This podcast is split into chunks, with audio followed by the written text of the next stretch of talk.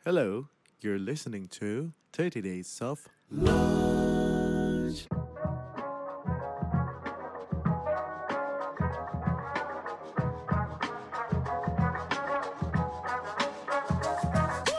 Ada properti yang dibeli tahun 1995 dengan harga 50 juta.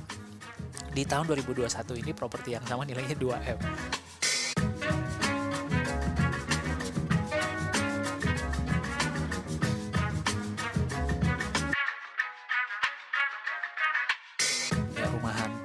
Di Pondok Indah yang susah banget kalau dijual. Padahal tetangga kiri kanannya di komplek yang sama bisa dinilai miliaran gitu.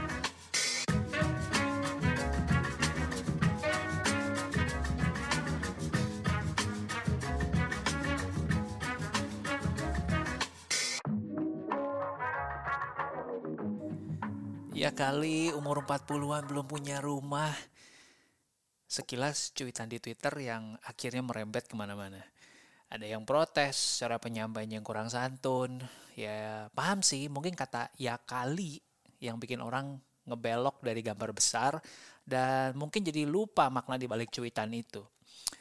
Um, gue setuju kita udah capek dengan standar-standar seperti umur 25 mesti punya aset sekian M, umur 30 mesti nikah dengan anak sekian ekor. Tambah harus ditambahin lagi dengan umur 40 mesti punya rumah.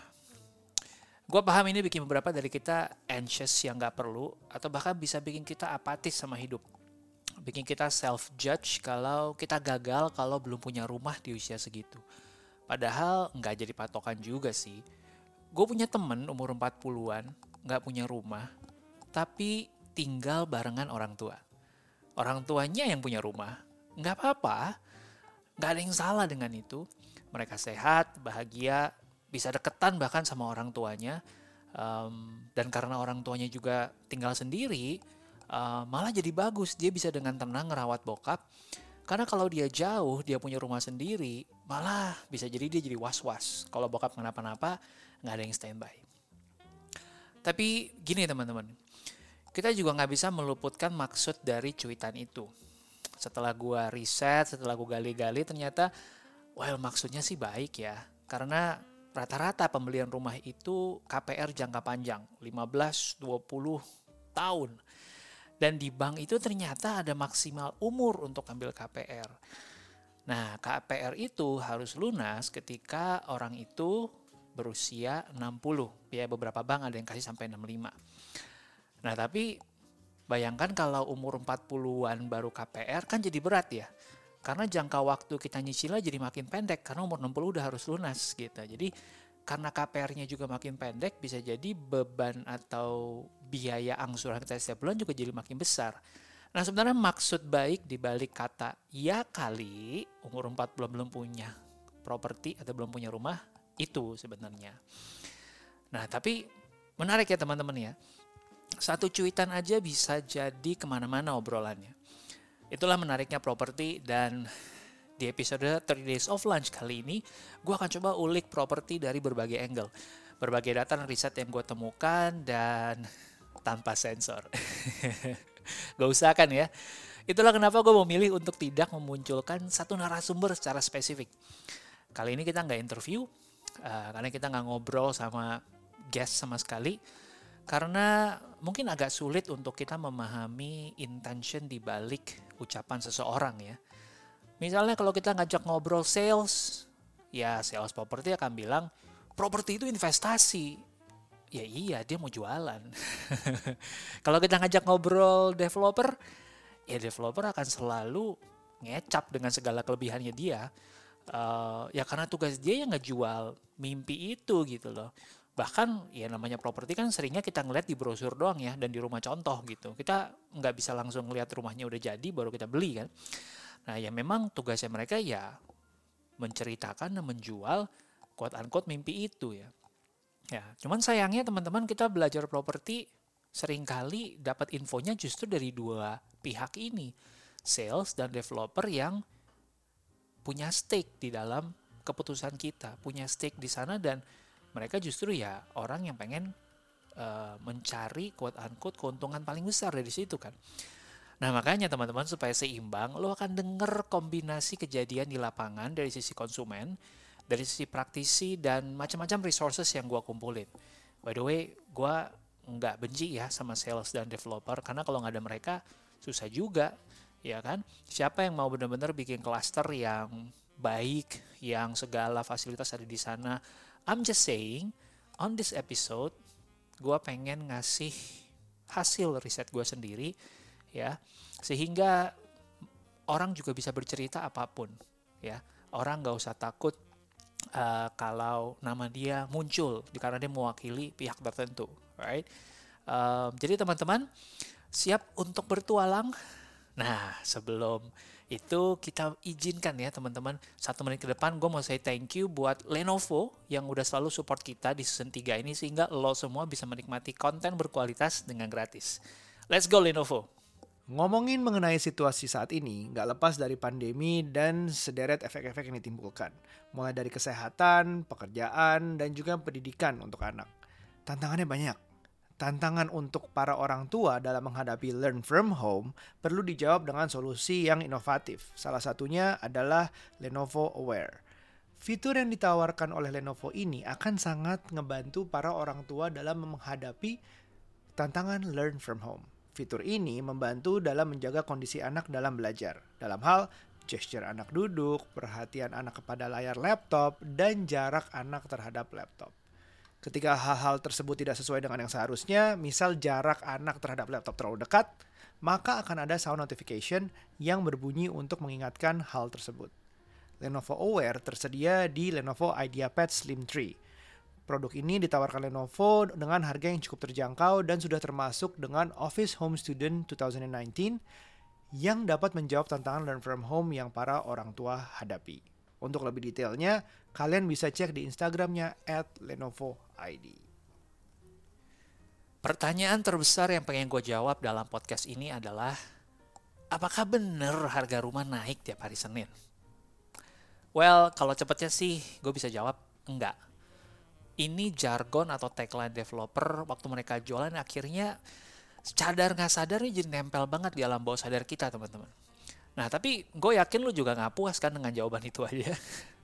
Karena mungkin lu percaya itu udah bertahun-tahun dari kecil juga lu udah dicekokin itu ya. Bahkan quote unquote sedikit dipaksa oleh orang tua lu untuk buru-buru beli rumah gitu ya. Beli properti gitu. Nah ini yang gue temukan lewat riset uh, di beberapa area di Jakarta yang gue kenal dan paham sekaligus dari Instagram di mana gue uh, crowd sourcing informasi-informasi ini thank you buat ratusan teman-teman yang udah berbagi info kita jadi uh, bisa kumpulin dan gue bisa bagiin ini ke kembali kepada lo semua menjadi manfaat pertama area peak teman-teman misalnya ya ini yang gue tahu banget karena uh, gue cukup lama tinggal di area sini gitu misalnya area Bukit Golf Mediterania ada tujuh klaster di sana. Akasia, Ebony, Johar, Kenari, Flamboyan, Cendana, Damar. Nah, gue ambil hal satu contoh di sini, di mana uh, rumah yang luas sekitar 144 meter persegi, ya. Ketika dipasarkan pertama kali, gue ingat harganya itu di bawah 1 m, slightly di bawah 1 m. Tapi karena ada biaya-biaya renov dan lain-lain, anggaplah 1 m gitu ya. Nah, ini tahun 2008. Sekarang 2021 berarti dalam 13 tahun harusnya ada kenaikan dong. Nah, coba dari 1M sekarang harganya berapa teman-teman? Tebak. Yes. Sekarang jadi antara 5 sampai 5,5 M. Ya. Itu kalau kita ngelihat rata eh, rata-rata yang harga yang terpampang dan dipasarkan sekarang di secondary market kalau kita cari uh, misalnya agen-agen properti gitu atau kita lihat listing-listing online mungkin karena lagi pandemi ada orang yang jual sedikit di bawah itu karena BU. Tapi roughly 5 sampai 5,5 M. Nah, kalau kita bagi 13 tahun teman-teman, rata-rata kenaikan per tahun itu kalau kita hitung CAGR-nya atau compounded annual growth rate itu sekitar 13,18% per tahun. Ya. Dari 1 M di 2008 menjadi 5 sampai 5,5 M di 2021 ada kenaikan harga sekitar 500% berarti ya. Nah, um, tapi gue nggak puas teman-teman karena well ini mungkin kejadian di satu area, tapi mungkin nggak kejadian di sejakarta atau di Tangerang. So gue ulik lagi data-data teman-teman semua yang masuk. Gue coba untuk uh, bagi berdasarkan area, gue coba untuk lihat berdasarkan tahun perolehannya, tahun dibeli, kemudian harga sekarang, kemudian kenaikan berapa dan dari semua data poin yang gue terima, um, gue akhirnya memutuskan untuk gue ngambil yang dari Jakarta, Tangerang, dan Bintaro aja supaya datanya lebih valid teman-teman. Gue akan jelasin kenapa gue nggak mau ngambil area terlalu besar nanti ya. Tapi sekarang kita langsung bahas hasilnya aja dulu. Hasilnya ini menarik menurut gue. Top 5 return atau CAGR tertinggi itu ya CAGR Compounded Annual Growth Rate itu lokasi Tangerang dan Jakarta Selatan antara 15 sampai 21 persen per tahun. Nah, penasaran nggak propertinya apa aja? Gue bacain ya uh, pengalaman uh, beberapa orang ini lewat DM. Nah, uh, yang pertama ini datang dari seorang teman, seorang DJ. Ada rumah di Tebet, uh, harga sekitar 2 eman waktu dibeli, um, sekarang sekitar 4 eman. Tapi ini case yang agak beruntung karena um, properti ini kebetulan diwariskan dan uh, pengen cepat dijual sama pemiliknya. Nah ini case yang beruntung banget. Nah tapi yang lain-lain teman-teman itu baru satu dari yang top 5 ya. Sisanya yang lain-lain sama seperti kita kok rata-rata profesional, pengusaha, pekerja kantoran yang juga nyicil dengan KPR gitu. Jadi jangan minder dulu ya, eh, atau nyicil ke properti, eh uh, nyicil ke developer. Jadi jangan minder dulu ya teman-teman kalau belum punya rumah kalau ada kalau ada sebanyak ini orang-orang yang punya properti rata-rata di atas 1 M, harusnya kamu juga bisa perjuangkan. Nah, itu pelajaran yang pertama ya. Top 5 return atau CAGR tertinggi itu lokasi Tangerang, Jakarta Selatan dan uh, CAGR-nya antara 15 sampai 21% persen per tahun. Oke. Okay. Nah, uh, penemuan kedua yang menurut gue menarik adalah semakin ditarik jangka panjang nih guys kecenderungan return CAGR-nya itu makin tinggi ya uh, secara nilai ini jadi fantastis banget gitu ada properti yang dibeli tahun 1995 dengan harga 50 juta di tahun 2021 ini properti yang sama nilainya 2M. Gila ya, 50 juta dari 2M. Oke, jadi CAGR-nya itu sekitar 16% per tahun. Ada juga yang dari tahun 1980 rumahnya di Jakarta Timur gitu ya 70 juta sekarang nilainya 12 m nah dari 70 juta jadi 12 m CAGR-nya sekitar 13,37 persen yes. Uh, ini sedikit di bawah yang tadi tadi 16 persen ini 13 persen. Menurut gue salah satunya karena uh, lokasinya yang di Jakarta Timur ya. Jadi uh, lokasi itu sangat berperan sekali teman-teman. Nanti akan dijelaskan kenapa. Uh, hal ketiga yang gue temukan adalah dari tahun 2003 ke atas, pertumbuhan itu mulai melambat. Ya, kenaikan harga ini mulai melambat. Data rumah-rumah yang dibeli dari tahun 2013 ke atas, hampir 30% itu malah uh, propertinya itu harganya malah minus growth-nya. Kemungkinan besar itu karena 2020, 2021 ini harganya mengalami penurunan yang cukup signifikan ya. Yang 70% uh, dari data-data yang masuk itu masih positif growth-nya. Tapi hanya 15% dari properti yang masuk uh, dalam data itu yang CAGR-nya bisa di atas 10% per tahun. Sisanya uh, pertumbuhan atau CAGR-nya berkisar antara 2% sampai 6, 6, 6 persenan per tahun. Nah, ini yang bikin gue jadi ngelihat bahwa memang kayaknya ada siklus di sini ya. Nah, kita akan ngelihat uh, dampak siklus ini kita ulik setelah ini ya teman-teman. Nah, penemuan berikutnya teman-teman dari data yang masuk adalah lokasi berperan besar menentukan seberapa stabil harganya. Baik stabil dari sisi uh, kenaikan tiap tahunnya, uh, baik juga stabil dari sisi seberapa kuat menahan uh, penurunan harga ya. Area-area yang namanya familiar yang sering kita dengar, yang banyak dicari orang, yang banyak orang migrasi ke sana, uh, mulai padat dengan area bisnis, area sekolah, perkantoran, uh, layanan seperti rumah sakit, uh, banyak area hiburan seperti mall, uh, ada juga rame juga dengan apa uh, istilahnya fire ya, finance banking, insurance uh, dan real estate Nah, kalau ada kantor-kantor seperti di sana, banyak kantor cabang, nah cenderung ini area yang lebih stabil. Nah, itu men, membantu gue untuk menjawab pertanyaan yang tadi, teman-teman. Apakah selalu harga properti naik setiap hari Senin? Jadi teman-teman mulai paham ya. Jawabannya adalah tidak dalam jangka pendek. Tapi iya dalam jangka panjang. Nah, sekali lagi ini berdasarkan limited data yang gue terima ya. Seandainya gue punya data dari ribuan data point, mungkin gue akan punya data yang lebih valid.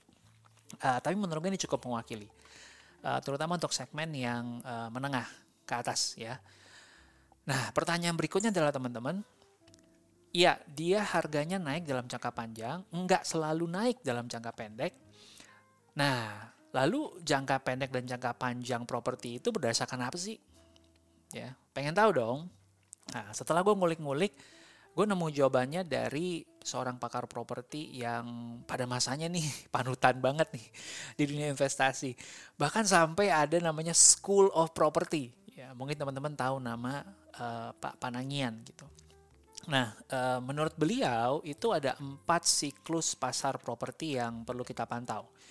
Ada yang namanya soft market, ada yang namanya sellers market atau pasar ketika lagi booming, ada weak market, ini transisi dari pasar booming atau sellers market tadi ke pasar buyers market. Yang terakhir itu adalah pasar yang lagi lesu atau menurun tajam. Oke, nah, jadi teman-teman gue ulang lagi ya, ada soft market, ya, ada sellers market atau pasar lagi booming, ada weak market atau buyers market itu pasar lesu dan pasar lagi menurun tajam.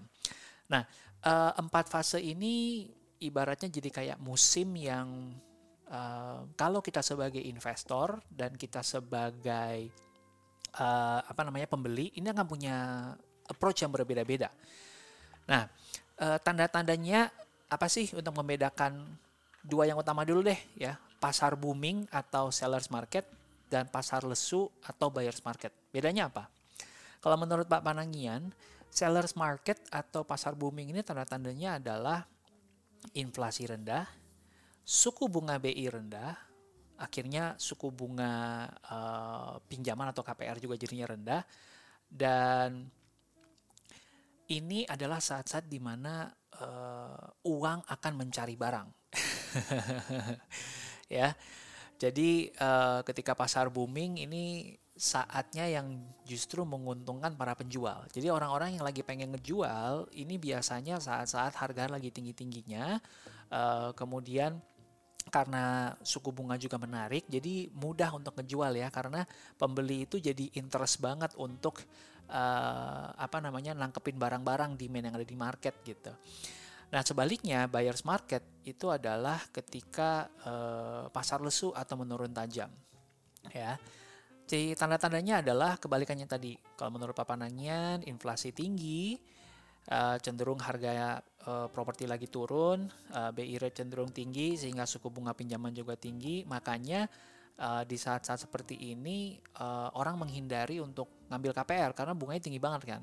Nah, sementara mereka yang punya uh, cash atau punya uang uh, dia bisa langsung beli karena harga lagi turun. Nah, makanya di momen seperti inilah di buyers market disebut sebagai cash is king. Nah, teman-teman mulai kebayang ya. Nah, lalu uh, di antara dua musim tadi ada masa transisinya. Nah, masa transisi adalah tadi yang disebut weak market. Weak market itu adalah transisi dari uh, pasar booming menuju ke pasar lesu. Nah, transisi sebaliknya dari pasar lesu menuju ke pasar booming itu disebut dengan soft market. Nah, jadi teman-teman uh, mulai paham ya di sini ya. Nah, melihat dari riset kecil-kecilan gue tadi via Instagram dan uh, apa namanya hasil ngebaca ngulik dari uh, bukunya Pak Panangian tadi, gue dapet kalau jangka panjangnya properti itu di atas 10 tahun. Jangka pendeknya antara 5 sampai 10 tahun. Nah, Terus kalau di bawah lima tahun gimana? Nah, mendingan nih teman-teman kalau gue lihat ya, properti itu kalau kita nggak siap untuk ngelewatin siklus pertama nih, yang minimal dibengongin sampai lima tahun, itu mendingan nggak usah sama sekali consider properti sebagai investment. Karena kita nggak pernah benar-benar bisa nebak kita lagi di siklus yang mana gitu. Market timing is a bit hard, ya kan? Contohnya gini, Tadi dari angkanya 2014 ke atas itu uh, market mulai stagnan, ya kan? Um, beberapa daerah, daerah mulai mengalami penurunan. Orang yang nggak bisa nggak bisa bertahan dari 2014 sampai 2020 kemarin 5-6 tahun, ya sulit kan? Dia mesti mau bertahan sampai di atas lima tahun tuh, sampai nanti setelah pandemi ini usai, setelah uh, apa namanya siklus uh, ini lagi uh, siklus penurunan ini turun dan kembali naik lagi mungkin 2-3 tahun dari sekarang baru akhirnya dia bisa uh, mungkin mulai ngejual atau mulai take profit dari investment dia gitu. Nah jadi menurut gue properti adalah sesuatu yang kita lihat dalam jangka panjang banget gitu. Nah, kenapa? Karena jangka pendeknya aja menurut gue 5 sampai 10 tahun. Ya. Ngelihat lagi dari data tadi bahwa rata-rata properti yang CAGR-nya bagus banget tuh ya di atas 15% itu yang udah dimiliki di atas 10 tahun tuh. Ya, kalau nggak dipegang dari 10 tahun tuh kayaknya agak susah gitu. Nah, jadi teman-teman, um, ini membuat gue menjadi ke-trigger dengan pertanyaan berikutnya gitu. Uh, apakah rumah sama dengan investasi? Emang bener rumah itu sama dengan investasi?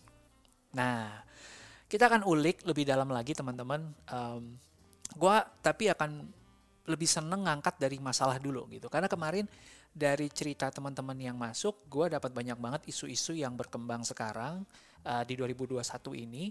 Lalu setelah itu baru kita bahas kira-kira uh, apakah memang uh, investment itu sebuah, eh sorry, properti itu bisa dibilang sebagai sebuah investment. Kita berangkat dari masalah ya teman-teman. Nah, kalau emang iya buat invest, kenapa sih ada begitu banyak curhatan-curhatan yang masuk ya? Um, gue udah coba memetakan curhatan yang masuk dan rata-rata ini udah muncul nih pola-polanya nih ya. Yang pertama itu apartemen. Ini case yang cukup sering berulang dan cukup sering masuk. Mereka-mereka yang membeli apartemen di area uh, hunian yang justru karena tadi lagi siklus turun harga rumahnya kemudian didiskon sama developer jadinya orang lebih milih uh, beli rumah karena bedanya nggak jauh-jauh banget dibandingkan dengan beli apartemen. Nah itu case yang pertama. Lalu ada lagi case apartemen yang one prestasi ya, karena developernya nggak bisa menyelesaikan pembangunan tepat waktu sampai udah lewat setahun dua tahun dan nggak bisa diapa-apain. Kenapa? Karena si pembeli ini juga nggak ngecek uh, perjanjian jual beli. Kalau dilihat lagi klausanya, ternyata secara hukum mereka ngebikin supaya developernya tuh aman banget secara hukum. Nah jadi teman-teman hati-hati banget ya waktu kita tanda tangan tuh kita baca dan kalau memang ada teman kita yang jago legal kita bawa dan kalau perlu ya uh, membawa notaris gitu. Um, ada lagi ternyata teman-teman yang udah jadi, nah tapi surat-suratnya nggak beres. Udah usia di atas lima tahun tapi sertifikat nggak pernah jadi uh, nggak tahu deh kasusnya di belakang apa. Tapi sih kata orang ada aja ya yang bandel ya sertifikatnya disekolahin lagi. Tapi gue nggak tahu itu gue nggak pengen masuk ke area konspirasi. Nah tapi itu kejadian di lapangan di mana sertifikat nggak keluar keluar kemudian ada lagi yang manajemen gedung atau manajemen apartemennya ini uh, berantakan banget ya. Karena kalau kita bicara soal manajemen apartemen ini lahan cuan banget ya Bayangin, bayangin ya. Ini kita bicara case yang simple aja. Misalnya ada seribu unit apartemen. Seribu unit mah nggak banyak. Rata-rata orang bangun uh, apartemen kan bertower-tower ya. Seribu unit dibagi lima tower, satu tower cuma 200. Kalau ada 20 lantai ya satu lantai cuma isi 10. Itu sedikit loh. Nah, kita anggap ada seribu unit apartemen di satu super block gitu ya. Misalkan maintenance fee-nya 1 juta, ini potensi income satu miliar loh per bulan. Ngiler lah definitely orang-orang dengan melihat uh, angka ini gitu. Makanya banyak berantem rebutan kekuasaan gitu ya. Um, jadi apartemen buat gue uh, apartemen yang nyaman adalah yang warganya dan building manajemennya akur. Yang cari yang aman-aman teman-teman, cari yang pasti-pasti developernya. Um, dan kalau dilihat dari cerita teman-teman yang masuk, kenaikan harga apartemen itu yes terjadi, ada kenaikan tapi biasanya paling gede dari waktu dijual di harga perdana sampai apartemen itu jadi. Biasanya ada kenaikan sekitar 20 sampai 30 persen. Nah, lalu masih terus cenderung naik walaupun mulai melambat di 5-10 tahun pertama, habis itu mulai stagnan. Nah, itu isu pertama yang gua terima banyak banget dari DM teman-teman di Instagram. Nah, isu kedua sekarang lebih ke um, orang-orang yang membeli bukan karena butuh. membeli karena tadi iming-iming investasi teman-teman.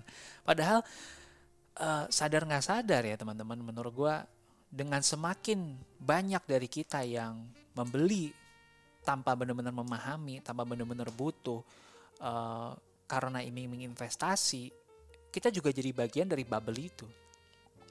Gue bisa bilang di beberapa area di Jakarta, uh, terutama khususnya buat apartemen ya, itu udah mulai bubble gitu. Um, kecuali mungkin apartemen di area yang high demand, ya, yang strategis, manajemen gak bermasalah, yang cenderungnya justru apartemen-apartemen yang yang masuk uh, klasifikasi premium kali ya.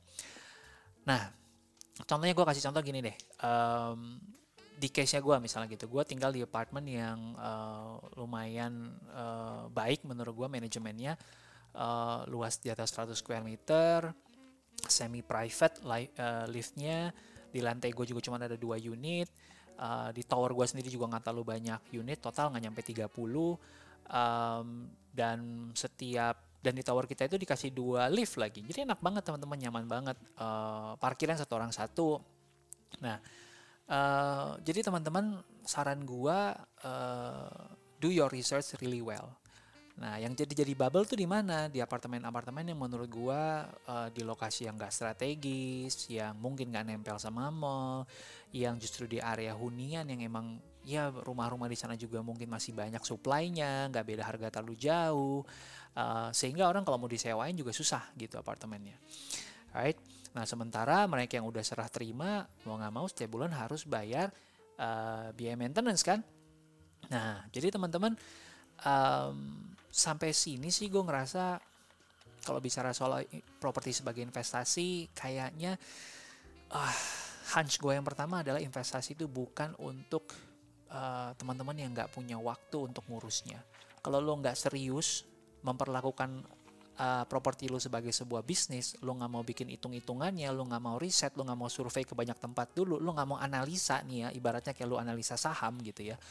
Uh, lu cek manajemennya bagus apa enggak, lu cek potensinya, lu cek orang yang tinggal di sana happy apa enggak, kualitas air, uh, internet, kemudian begitu banyak lagi yang mau dicek kalau lu nggak mau ngelakuin itu mendingan nggak usah. Mendingan nggak usah consider itu sebagai investment. Just get a property only because you need it dan lu udah tahu lu pengen tinggal di sana gitu. Sehingga lu nggak pusingin soal harganya naik turun apa enggak karena lu pakai gitu ya.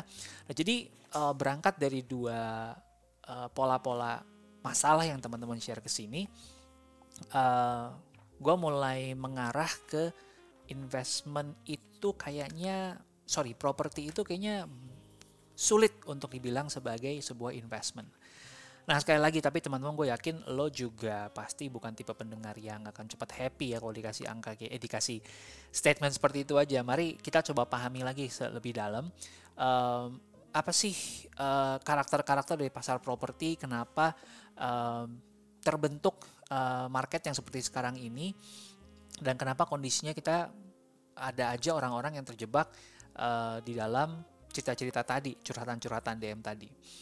Nah ini gue akan share um, 4-5 karakter pasar properti yang gue tahu ya. Nanti kalau ada teman-teman yang mau menambahkan silahkan. Karena gue yakin pasti di sini banyak yang pendengar yang juga pintar-pintar gitu. I'm, I'm not the smartest. Uh, gue cuman rajin aja nyari tahu dan banyak ngobrol. Tapi belum tentu uh, apa namanya gue tahu semuanya, right? So feel free untuk nambahin juga. Yang pertama yang gue tahu adalah pasar properti itu pasar yang kita sebut uh, unorganized market atau pasar yang nggak terorganisir. Contohnya gini teman-teman, kalau kita ngambil komoditas, sebutlah emas atau sembako deh seperti bawang, daging sapi, mungkin cabe gitu ya. Kalau demand lagi tinggi, lalu supply-nya lagi rendah, makanya langsung impact-nya bisa kita rasain gitu ya. Cenderung cepat secara bersamaan se-Indonesia itu bisa terdampak gitu ya. Tiba-tiba oh cabai harganya mahal, masuk berita-berita gitu ya. Nah tapi properti itu nggak kayak gitu gitu. Properti itu sifatnya lebih lokal, uh, ter tertutup di area itu saja, uh, dan karena dia bukan benda bergerak, uh, dia sangat tergantung sama situasi setempat.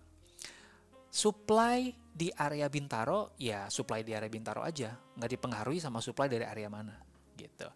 Um, kalau oversupply pun jadinya ya uh, intervensi yang bisa dilakukan pengembang malah untuk menahan turunnya demand ya cuma nurunin harga atau menunggu terjual gitu kan.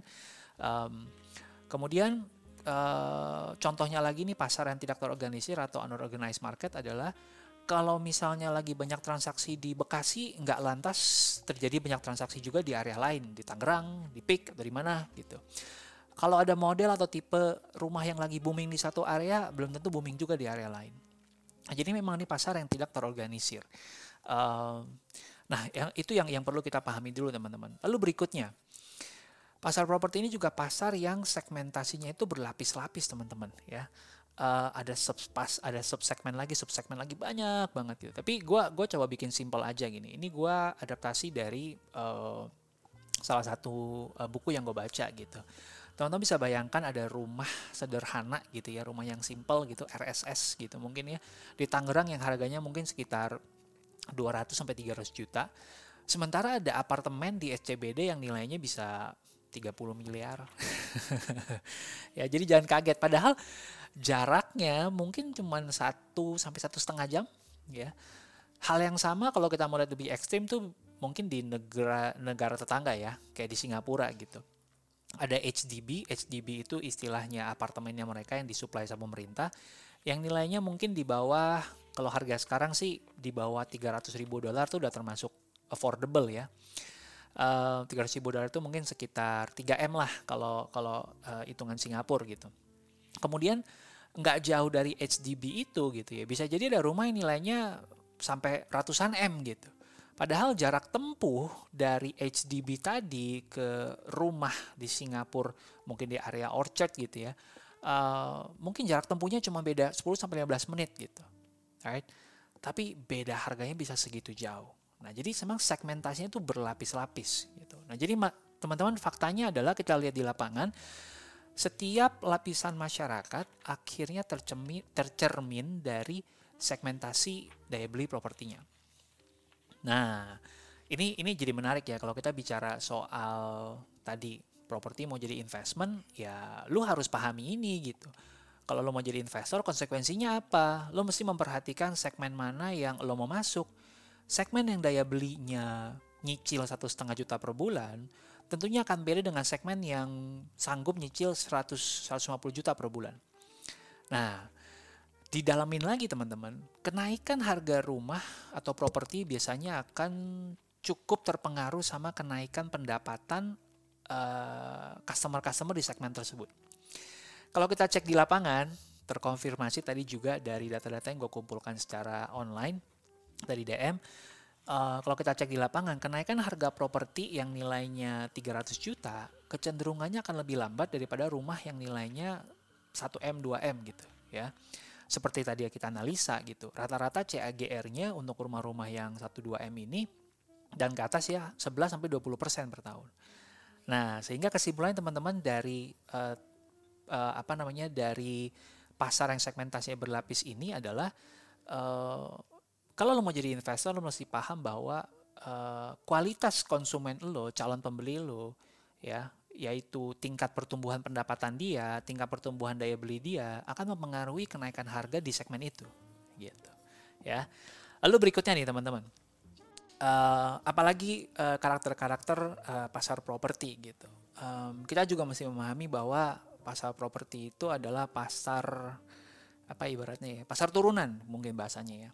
Turunan tuh kayak gini misalnya Bali Eh, Jakarta atau kota-kota besar, kota-kota yang tingkat kelahirannya tinggi, pertumbuhan penduduknya lumayan cepat, ya pastinya dalam jangka waktu tertentu dengan kelahiran orang yang banyak bisa ditakar kan kebutuhan rumahnya juga akan bertambah gitu kebutuhan propertinya akan bertambah.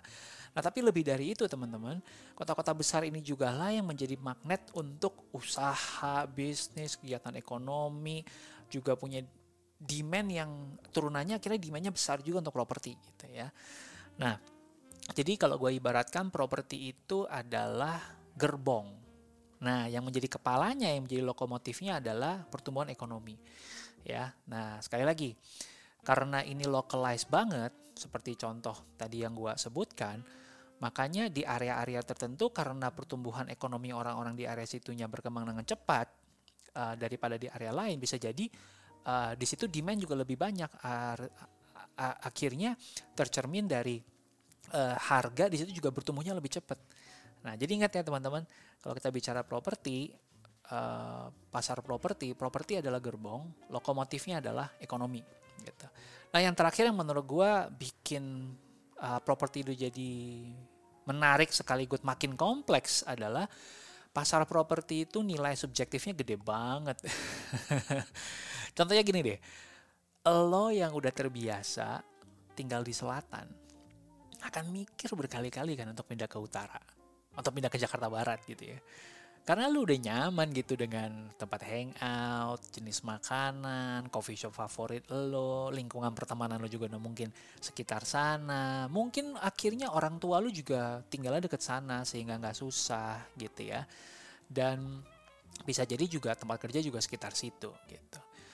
Nah itu itu contoh yang pertama. Jadi nilai subjektifnya besar banget gitu. Untuk orang uh, pindah dari satu area itu akan susah banget ya. Cenderung dia akan uh, we are a human we are humans that are a product of our habit. Jadi kita susah untuk mengubah habit kita. Kalau kita udah nyaman di area tertentu ya ya udah gitu. Kemungkinan besar kita akan uh, cari properti di area itu juga gitu. Nah gue kasih contoh lain lagi kalau subjective value ya. Misalnya ada ada rumah di Menteng gitu ya uh, rumah ini pernah ditempatin sama artis, ditempatin sama uh, siapa gitu ya. Oh, oh kalau di Menteng mungkin Obama kali ya. pernah ditempatin sama Obama gitu ya. Kalau dijual, ya ini akan lebih banyak peminatnya daripada jumlah supply-nya karena rumah yang ditempatin Obama ya cuma satu itu gitu misalnya. Sehingga orang yang minat sama nilai subjektifnya tadi mungkin gede banget gitu. Banyak banget. Nah, sebaliknya kalau kita ngambil contoh, ada juga rumah-rumah yang ya rumah hantu gitu ya di Pondok Indah yang susah banget kalau dijual. Padahal tetangga kiri kanannya di komplek yang sama bisa dinilai miliaran gitu, right? Nah, atau ada rumah yang mungkin mewah banget, dibangunnya berlantai-lantai, terus tanahnya luas banget, tapi di area terpencil gitu. Terus sekelilingnya mungkin kawasan yang kurang terdevelop. Nah, walaupun si pemilik rumah ini bilang, eh ini gue bangunin nilainya miliaran nih. Waktu dia mau jual, belum tentu nilainya akan diapresiasi secara nilai yang sama. Karena nggak semua pembeli akan bisa memiliki selera yang sama, yang akan bisa ngelihat, oh rumah ini emang desainnya gue suka, apa namanya, uh, walaupun sekelilingnya nggak terlalu develop, gue tetap bisa memvalue nilai rumah itu dengan harga yang sama gitu. Nah, didalamin lagi teman-teman, ada rumah yang hook, ada rumah yang di badan, ada rumah yang ada timur, rumah utara, selatan, sehingga subjective value-nya ini besar banget teman-teman. Nah, ini mempengaruhi tadi yang prinsip yang pertama, karakter pertama bahwa ini pasar yang uh, unorganized, tidak terorganisir dan segmentasinya berlapis-lapis gitu. Dan yang terakhir yang juga teman-teman perlu perhatikan adalah bahwa pasar properti ini uh, pasar yang nggak liquid. Makanya perlu teman-teman kalau mau mempertimbangkannya jadi investasi perlu dibuat hitungan. Jangan-jangan lebih make sense taruh duit di pasar saham. ya. Karena tadi ya, kalau kita lihat 2014 uh, eh, dari data yang kita kumpulin ke 2021 7 tahun kecenderungannya year on year CAGR-nya itu uh, tidak lebih dari 7% kan. Tadi kita udah hitung ya.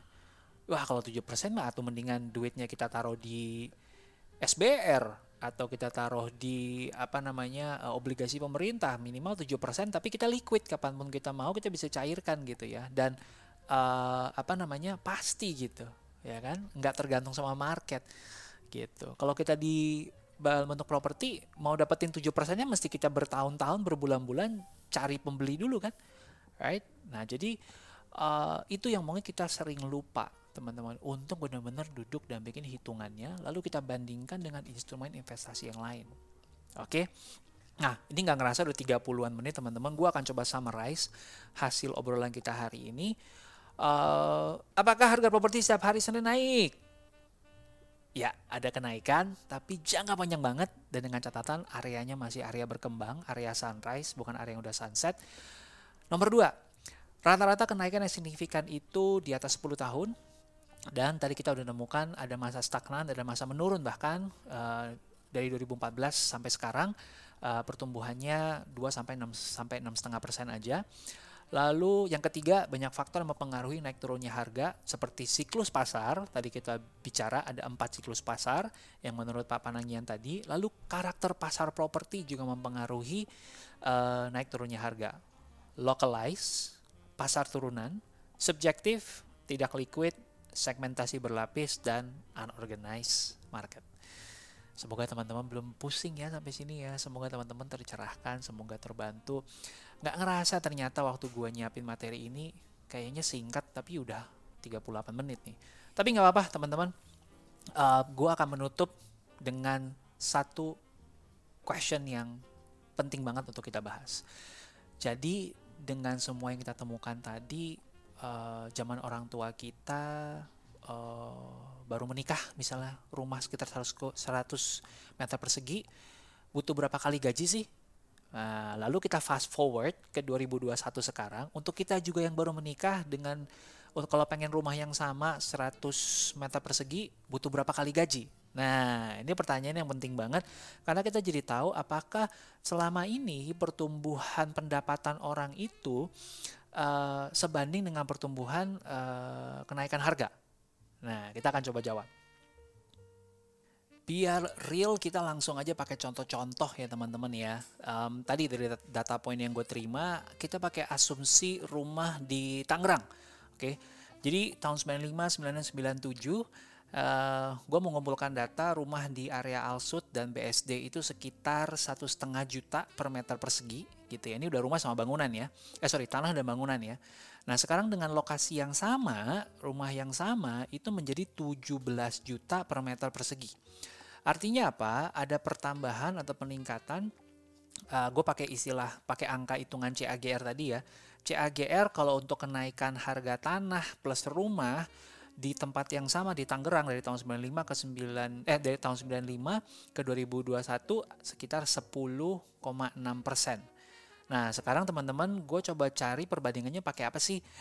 Oh, sayang sekali gue nggak ketemu data penghasilan rata-rata orang di waktu itu tahun 95 97. Kalau teman-teman ada yang punya datanya, misalkan lu punya teman yang uh, tahun 95 sampai 97 itu kelas menengah juga gitu ya, yang mungkin level manager gitu, tolong kasih tahu ke gua, gue pengen bikin hitungannya. Nah, tapi sementara gue pakai data UMR gitu.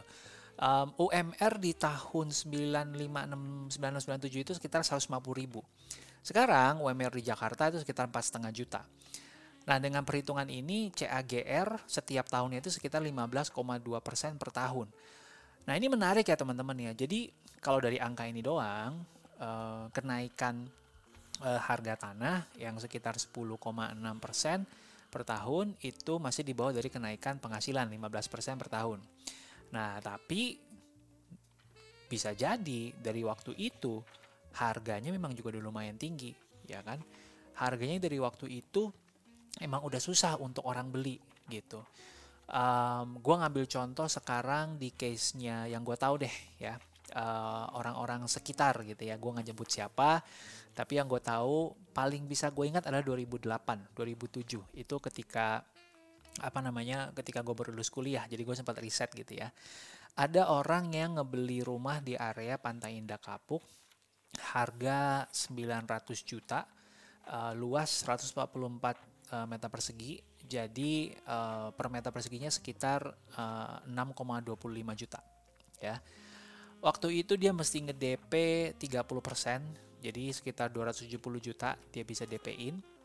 Um, kemudian dia harus mencicil sisanya, ya. Total yang mesti dia cicil, teman-teman, itu berarti 900 juta kurang 270 juta DP, sekitar 630 juta. Dikalikan dengan bunga waktu itu lalu dia cicil selama lima tahun untuk pelunasannya. Um, hitungannya jadinya adalah sekitar 15 juta per bulan. Nah kalau kita pakai uh, standar cicilan itu kalau bisa maksimal 30% dari penghasilan Berarti di tahun 2008 itu kita butuh orang-orang yang punya penghasilan sekitar 45 juta per bulan untuk bisa nyicil 15 juta untuk beli rumah tadi gitu ya. Tapi sekali lagi, ini kita ngomongin soal orang yang ngambil uh, KPR 5 tahun. Ya. Kalau dia KPR-nya lebih panjang ya, uh, 10 atau 15 tahun tentunya nggak nyampe 15 juta, bisa di bawah 10 juta per bulan. Artinya penghasilan dia uh, mungkin antara 30, 20 sampai 30 juta per bulan udah cukup untuk bisa beli rumah itu. Nah, ini jadi menarik teman-teman. Uh, silahkan uh, diterjemahkan atau dipersepsikan sesuai yang teman-teman uh, apa namanya rasa cocok. Uh, gue pengen dengar pendapat teman-teman semua. Uh, kalau gue ngelihat nih ya, ngelihat balik 2008, waktu itu gue baru lulus kuliah dan penghasilan gue waktu itu gaji orang baru lulus uh, 3,8 nggak kekejar sih beli rumah ini ya. Nggak kekejar sih beli rumah ini. Nah tapi kalau gue hitung-hitung sekarang ya rumah yang sama uh, sekarang harganya kan tadi udah naik ya rumah yang sama naik menjadi 5 m. Sekarang menjadi kekejar. Artinya apa? Um, kalau kita pakai rumus CAGR tadi teman-teman, percepatan income gua lebih cepat daripada percepatan kenaikan harga tanah dan rumah di tempat itu. Terbantu karena apa? Karena tadi 2014 sampai 2021 tadi bisa dibilang harganya lumayan stagnan ya. Uh, terutama di 3 4 tahun terakhir karena gue tahu banget di area itu bahkan beberapa yang dijual di bawah harga pasar. Nah, teman-teman itu yang gue bisa simpulkan buat lo semua. Gue akan ngambil patokan tadi CAGR rumah atau tanah pertumbuhan setiap tahun itu average rata-rata ya 10 sampai 15 persen. Nah, kalau kita mau benar-benar ngejar, ya percepatan pertumbuhan income atau pendapatan kita juga harus lebih dari itu. Oke? Okay? Nah, um, kayaknya kepanjangan teman-teman gue rasa kalau gue lanjutin lagi untuk ngebahas pertanyaan besar berikutnya, apakah properti itu sebuah investasi? Jadi sampai sini dulu teman-teman, nanti kita bersambung ke part 2 nanti. Let me know what you think of this episode. Um, ini mungkin agak monolog sedikit um, would mean a lot to me kalau lo ngerasa ini bermanfaat dan lo mau nge-share ini di stories, lo bisa tag gue dengan komen.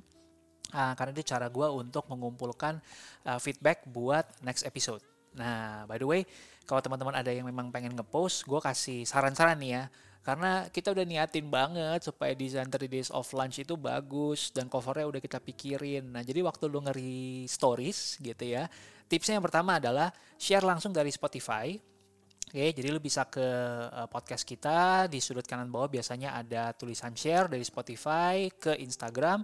Nah, ketika masuk ke Instagram, nah covernya teman-teman gak usah gede-gede banget ya, secukupnya aja, mungkin sepertiga dari uh, ruangan ya, yang ada di IG Stories. Lalu tulis feedback teman-teman di atasnya cover, oke, supaya lebih enak buat kita untuk baca dan pakailah font yang gampang dibaca, teman-teman. Jangan pakai font-font yang aneh-aneh ya. Uh, font-font yang kayak tulisan tangan, wah itu susah dibaca tuh, font yang basic aja. Kalau lo pakai iPhone uh, di Stories itu font yang paling pertama atau yang paling terakhir.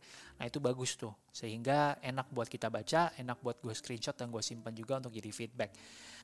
Wow, lumayan padat ya podcast ini ya.